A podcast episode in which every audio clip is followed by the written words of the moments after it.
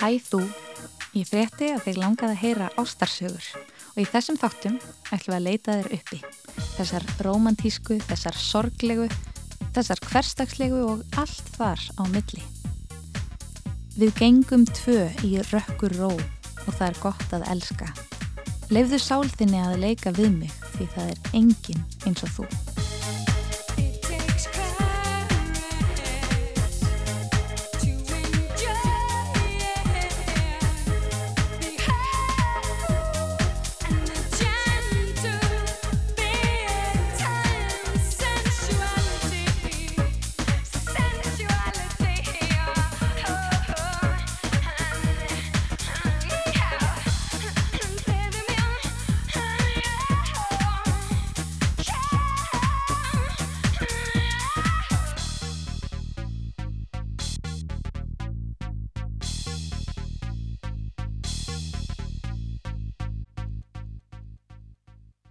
Einu sinni, þegar ég var 11 ára liklabarn, kom ég snögtandi heim úr skólanum.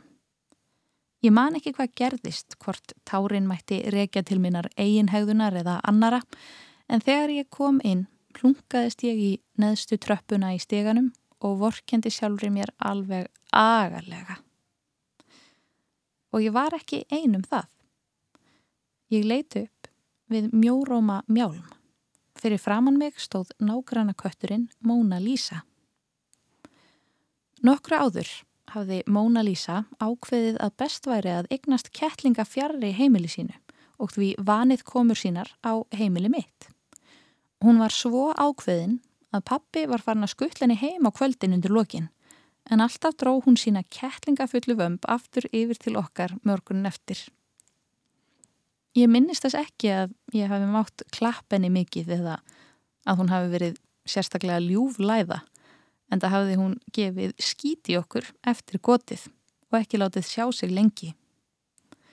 En núna stóð hún þarna og horfið rannsakandi á mig og þegar ég grúði mig aftur niður strauk hún sér malandi fram og tilbaka í litlar áttur um fæturnar á mér eins og til að hugga mig. Ég á tvo ketti í dag og hef stundum reynd að fá þá til að vorkjana mér en þeir hafa séð í gegnum sjálfsvorkunina.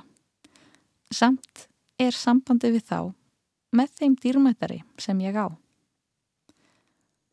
Við ætlum að heyra sögu af enn dýrmættara sambandi sem átti sér stað í leifisleysi í blokkar íbúð í gravarhaldinu. Hlustum á Bergþóri. Maðurinn minn hétt Jóhann Reynoldsson og var bankamaður. Við vorum alla tíð mikið kattafólk og áttum alltaf kött. Svo þegar við flytjum hingað í þetta hús þá er þetta þeim árum þegar kattahald er bóstala bannað allstaðar. Svo þess að við höfðum sagt, engan kött hér. Síðan veikist hann að krabba meini hausti 2017 og ég ákvaði framhald að því að þetta leit ekki vel út að fá kött og ég ákvaði að spyrja engan.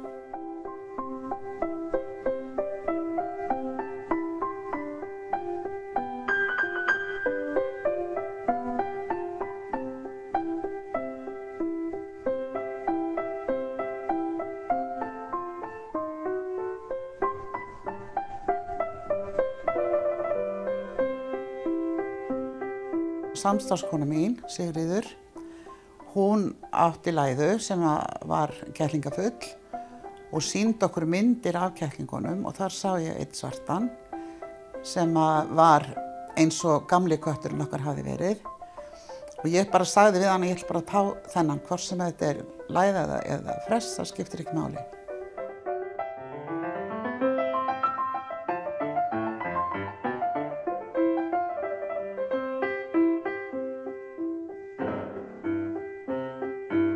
Svo let ég hann vita rétt fyrir jól að ég hefði gert þetta, ég væri búin ákveða að taka kött. Og hún er brásóldi því að hann var afskaplega heiðarlegu maður og vildi náttúrulega aldrei ganga gegn þeim reglum sem að gildu. En ég segði bara, ég er búin ákveða þetta. Og hann fyrir svo með mér og skoðar hana og, og það var náttúrulega bara ástu fyrstu sín, það var ekki spurning. Svo fáum við hann að hinga í janúar og frá þeirri stundu að hún kemur hér inn fyrir dyr, þá víkur hún ekki frá honum. Hvort sem það var í svefni eða vöku.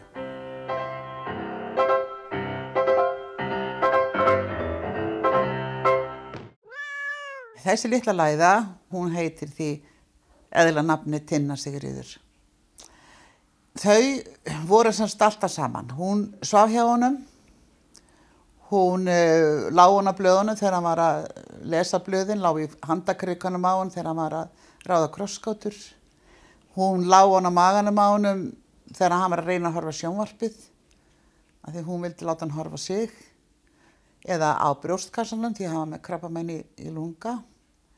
Þegar hann lág að hliðinu sofandi þá var hún uppi baki á hann, snýri baki nýjan, fast upp fyrir hann og hún vildi endalust vera að eh, narta í eirun á honum, kroppa og sjúa og honum fannst það stundum allt í lagi en svo var hann komin í það að hann fann að vera í ermalingum ból sem hann kallaði kattavarnapeysina og þegar honum fannst hún stundum svolítið aðgangshörð. Og þegar hann var komið göngugrind hérna heim þá var það aðalmáli hjá henni, það var að hoppa og onni körfuna framann á gungugrindinni og vera, vera þar sko. Maðurinn minn var alveg einstakur. Gamal sjómaður fætur upp alveg í Vestmanniðum og hann kemur svo í land þetta í góðsinu og, fer að vinna í banka. Hann var að vinna í bankan þegar við kynntumst.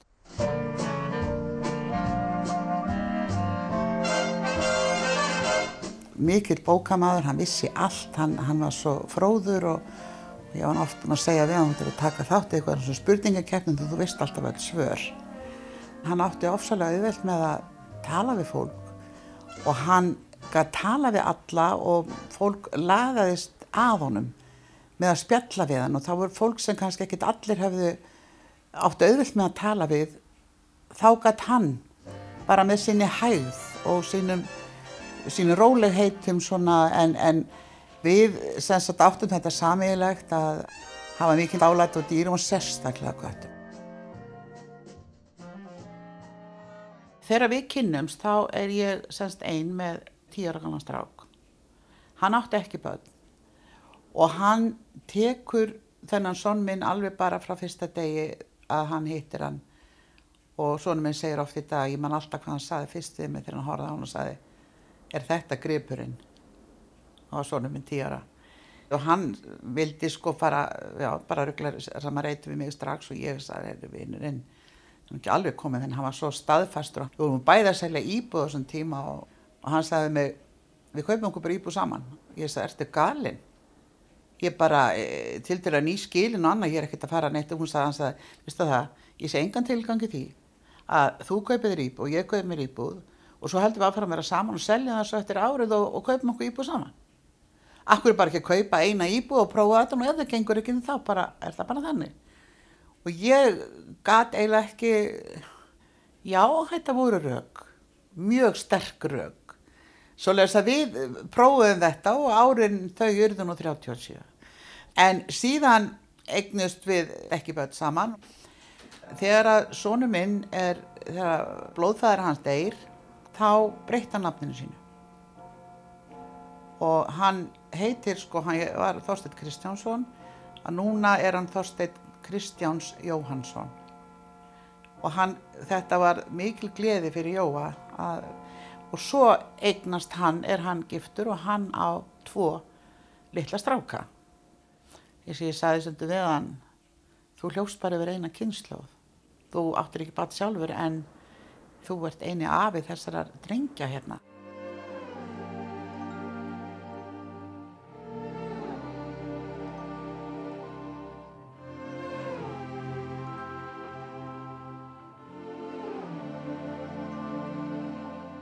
Við vorum afskaplega miklu vinir og hann talaði ofbáslega mikið við kettin okkur og ég man ofta eftir þegar ég lág inn í rúmi að það var hann komið fram þá satt hann og talaði og, og þeir lágu hjá hann sko, og tinnan til dæmis mér hlýnaði svona hjartaræturna við að hugsa til þess að maður sem voru svona veikur að geta haft svona miklu ánægi af þessu litla dýri. Þetta var hans að fara með hana fram á mótnana og þau sátu og spjöldluðu við eldursporðið. Hann með kaffi og svo manni maður að heyra í honum. Þú ert nú óttalega, óttalega lítill en þú ert klár.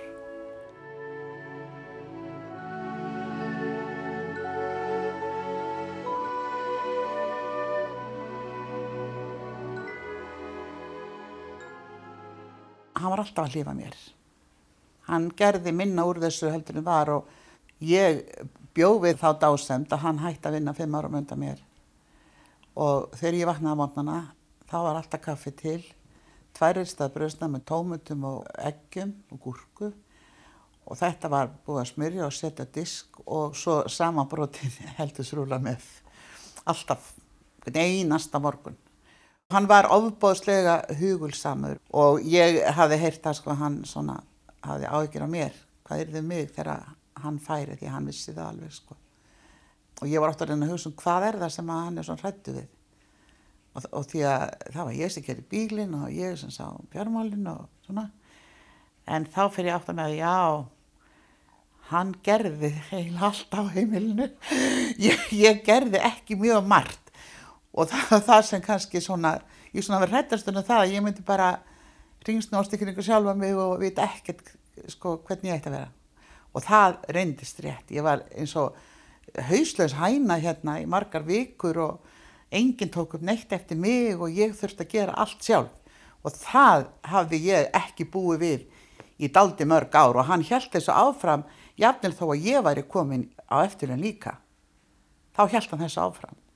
Svo hann var þannig að hann var mjög, mjög spes og mikill harmdauði mörgum. Í síðasta skipti sem hann fór hérðan heimann, sem hann semst hann átti ekki þá afturkvæmt hingað heim, þá ætlaði hún með. Þeir komi hingað til að sækja hann og það voru sjúkra náttúrulega böru hérna og hún var vælandi, það er eina fáskipt sem heyrði í henni, svo stökk hún upp á sjúkrabörurnar og hún ætlaði með. Hann kom ekki heim eftir þetta og uh, dó bara mánuði setna en hún leitaði að honum um allt.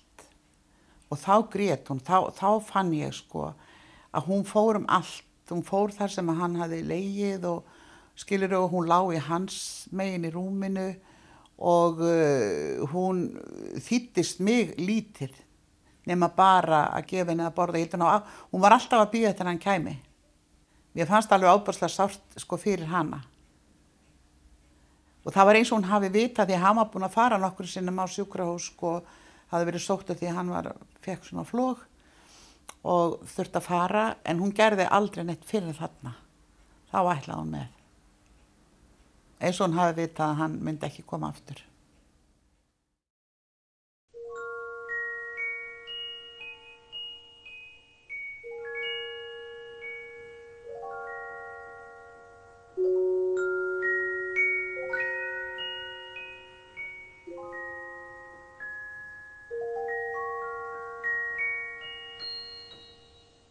við töluðumst alltaf við síma, ég ætla að koma alltaf til hans en allt það fyrsta sem hann sagði hvernig hefur hún fóstu dóttið í það? Og ég sagði einhvern tíma við hann já, þú spyrir fyrst um hana. Þú ert ekki að spyrja um hvernig ég hefi það. Skilur þau og það var alltaf þannig, alltaf þetta fyrsta. Hvernig hefur hún fóstu dóttið í það?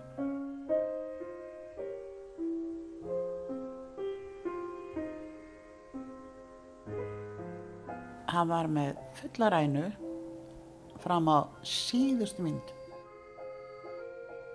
Hann þurfti að fá morfín í þrjá daga áður en hann dó. Annars fann hann aldrei til. Hann var svo æðurulus. Ég var ekki hjá hann þegar hann dó. Hann, ég held að hann hafi ekki viljað að hafa mig. Ég held að hann hafi bara beðið og búin að vera mjög mörg hjá honum. Hann bara að spjalla við okkur.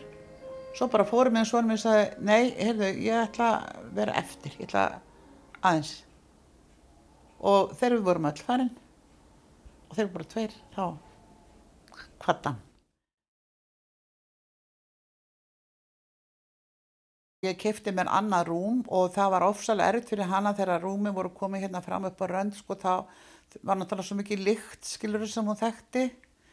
Og ég til dæmis e, þegar ég létt fötinn hans og annað og að ég á hérna alltaf einn allklæðina sem einhverja hluta vegna glemdist og ég ákvað það þetta ætla ég að eiga, ég ætla ekki að eiga þetta upp á, upp á hérna herðatrið alveg eins og hann gekk frá því jakki, það voru tvær skirtur, tvei bindi og buksur, það var svona, sam, svona passaði saman. En einhverja hluta var þetta eftir, svo það hangir hér inn í skáp og hún tekkir ennþá lyktina af þessu þegar ég sín henni þetta. Og, en við göngum í gegnum, náttúrulega auðvitað þetta ferli, það var óskaplega gott að hafa hana. Óskaplega gott að hafa hana og, og ég náttúrulega ákvað það að hún myndi aldrei, aldrei nokkuð tíma að fara frá mér. Frekar færi ég hérðan og fyndi stað fyrir okkur tvær því að ég gæti ekki hugsa mér að þetta litla dýr sem að hafi verið honu svona mikil sverði og gert svona mikið fyrir hann þess að síðustu mánuði á, í hans lífi og hérna og það hafðist og, og hérna og við erum hér en hún hefur aldrei verið eins við mig eins og við hann. Hún stundum kemur uppi til minn og þá vil hún kúra í nokkra mínútur en svo er hún bara farin. Og hún sækir ekkert í mig hún er ekkert að hanga upp í fangin á mér eða neitt svoleiðis hún gerir það ekki. En, en hún er svona alltaf nálæg og eru gestið eða ég er að tala í síma þá situr hún að geta náttúrulega á sofaborðinu fylgist með, hún er alltaf svona nálægt mér og horfir á mig og kemur svona á mótnan og nuttar sér í fæturna á mig. Þetta eru hennar svona gæði við mig. Hún er að passa mig á og við tölum saman og hún, hún notar svo mikið augun. Svo eigum við alltaf morgunstund hérna þá kempi hana hvern einasta morgun með svona kamp og, og við spjöllum saman þá og þá kempi, hann og ég sé á ég að gera hínum einn og, og þá snýr hún sér við og á ég að gera svolítið á mallan og þá leggst hann á bakið og skilur þannig og þá eigum við alltaf svona gæðastund á modnana. Þetta var alveg sko einstakt samband og ég hef aldrei nokkuð tíma séð eftir því að hafa gert þetta þó það hafi verið trássi við alla reglur.